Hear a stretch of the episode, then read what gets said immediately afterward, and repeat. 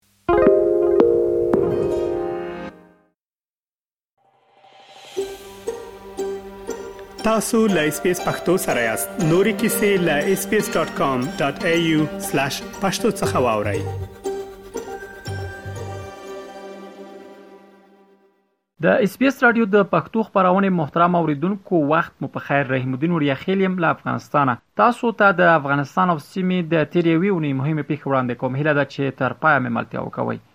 د افغانستان پخوانی ولسمشر محمد اشرف غنی تیر اونۍ د خپل اختریز پیغام لاره په افغانستان کې د یو مشروع او قانوني نظام په جوړېدو او قانونیت ټینګار وکړ اشرف غني په خپل دې اختریز پیغام کې طالبان په سیاسي ناتوانۍ تورن کړل او وی ویل د اوسنی کشالې حل د طالبانو او نورو سیاستوالو له وسه پورته دی ښاغلي غني وویل چې طالبانو واک قبضه کړی خو مشروعیت ته نه دی رسیدلی غني وویل سره له دې چې طالبانو په افغانستان کې یو څه کراري راوستې خو په خبره یې تاوتریخوالی لا هم دوام لري.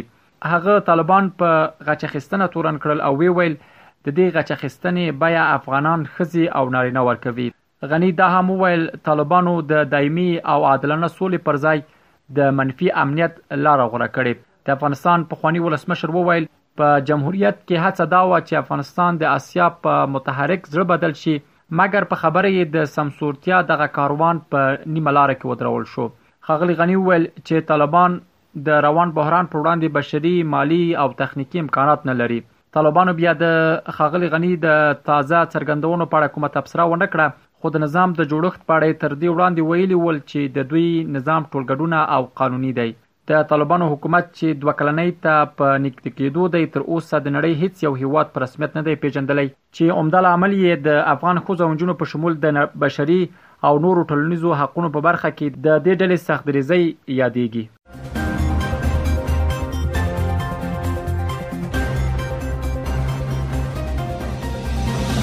په افغانستان کې د ملګرو ملتونو سازمان مرستندوی ماموریت تیر اونۍ وویل چې تیرو نږدې دوو کلونو کې په افغانستان کې نږدې څلور زره کسانو ته مرګ ژوبله اوښتې.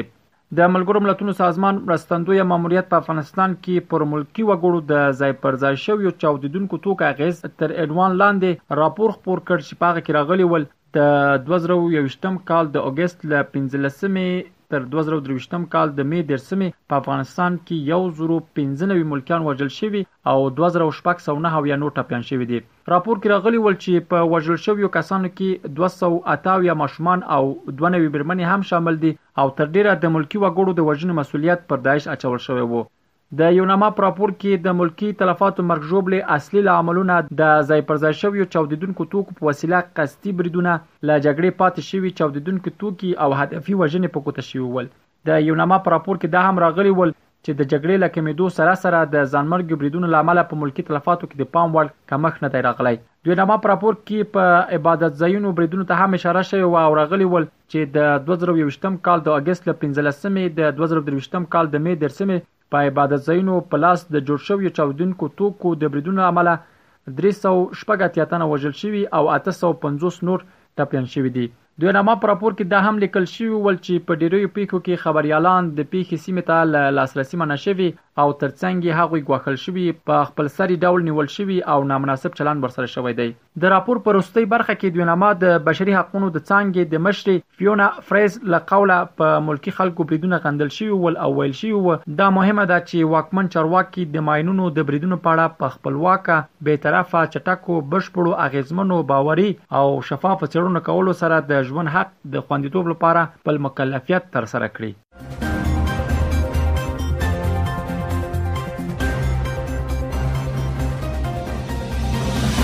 د ګیټس رائټس په نوم د ماشومان د حقوقو ملاتړي بنسټ تیرونی په خپل تازه درجبندۍ کې افغانستان د هغه دریو هیوادونو په نوملړ کې راوست چې د ماشومان لپاره تر ټولو بد ځایونه دي ګیټس رایټس خپل درجه بندي په هر هیواد کې د ماشومانو لپاره د ژوند، زده کړې، روغتیا ساتنې او حقوقي چاپیریال په برخو کې چمتو شویو شرایطو ته په کتو کړې وې او بیا یې هر یو شاخص ته جلا جلا نمرې ورکړې وې چې افغانستان په کې تر ټولو کمې نمرې اخیستې وې. ګیټس رایټس په افغانستان کې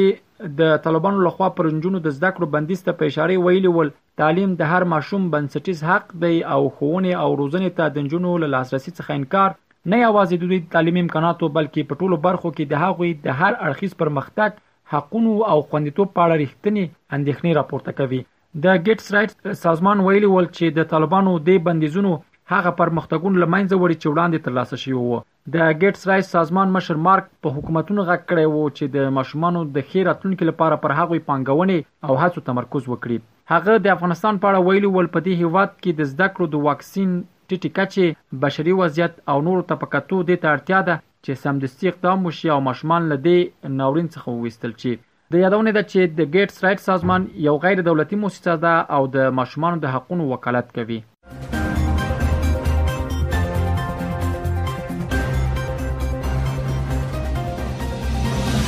د طالبانو مشرتابه تېره اونۍ یو ځل بیا وویل چې د شرعي قوانینو په پلي کېدو کې د هیچا تر تاثیر لاندې نه دی او په دې برخه کې معامله نه کوي. ملا هیبت الله دغه څرګندونې په کندهار کې د لوی اختر د لمانځه وروسته کړې وې چې د خبرو غږیزه بڼه یې د طالبانو حکومت ویاند ذبیح الله مجاهد په خپل ټویټر پاڼه خپره کړې وه. د طالبانو مشر دغه شان وویل، دا چې نړۍ یې حکومت په رسمیت نه پېژني او لامل یې په زور واک ته رسېدل یادوي، دا خبره سمه نه ده او نړۍ د ده په خبره د خپل ماتې د شرم له امله په رسمیت یې نه پېژني. هغه وویل چې ډېر ژر به ټول قوانین اسلامي کړي او ټولو ادارو ته یې امر کړی چې خپل قوانین له آیاتونو او احادیثو سره برابر کړي او عدلیې وزارت ته یې وسپاري څو د کمیسیونونو له کتنې وروسته عملي شي. د طالبانو مشر په خپله وینا کې یو ځل بیا د نجونو او ښځو زده کړو ته هیڅ اشاره ونه کړه. د طالبانو مشر داسې مهال د یو شرعي قانون د جوړېدو ژمنه کوي چې نږدې دوه کاله د مخکني جمهوري نظام له پرځېدو او د اساسي قانون لغوه کېدو تېرېږي، خو افغانستان اوس یو داسې قانون نه لري چې پر بنسټ یې دولتي چارې مخکې یوړل شي.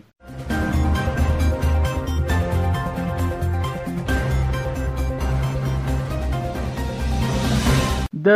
ګالپ نړیوالې موسسې تازه نظرپوښتنې تېره اونۍ وښوده چې اته نوي سلنه افغانان دا احساس کوي چې په نړۍ کې له هر چا ډېر له رنځ سره مخ دي. ګالپ خپل نظر پوښتنه په دوه زره او دویشتم کال کې په یو سلو دوه څلوېښت هېوادونو کې له یو سلو اووه څلوېښت زره کسانو سره د مرکو په بنسټ کړې او په دې برخه کې یې له خلکو د هغوی د احساساتو په اړه پوښتنه کړې وه. په دغه نظر پوښتنه کې ویل شوي ول، د طالبانو له واکمنۍ وړاندې څلور نوي سلنه افغانان خپل ژوند ناخوښ او له خپګان ډک بللی و خو د طالبانو له واکمنۍ وروسته دغه سلنه اوس وخت کې اته نوي سلنې ته لوړه شوې. د ګالپ نړیوالې موسسې موندنو کې راغلي ول، وروسته تر هغه چې طالبان په افغانستان کې واک ته رسېدلي، د افغانانو ژوند د تېرې یوې لسیزې په پرتله بد او خورا ستونزمن شوی. نظرپوښتنو کې ګډون کوونکو ډېری افغانانو ویلي ول چې په دوه زره او دوه ویشت م کال کې له کوم څه خوند نه دی اخیستی، کوم نوي څه یې نه دي زده کړي او ښه احساس یې نه دی لرلی. ګالف په خپلې دې نظر پوښتنه کې افغانستان ته څلور دېرش امتیازونه ورکړي ول،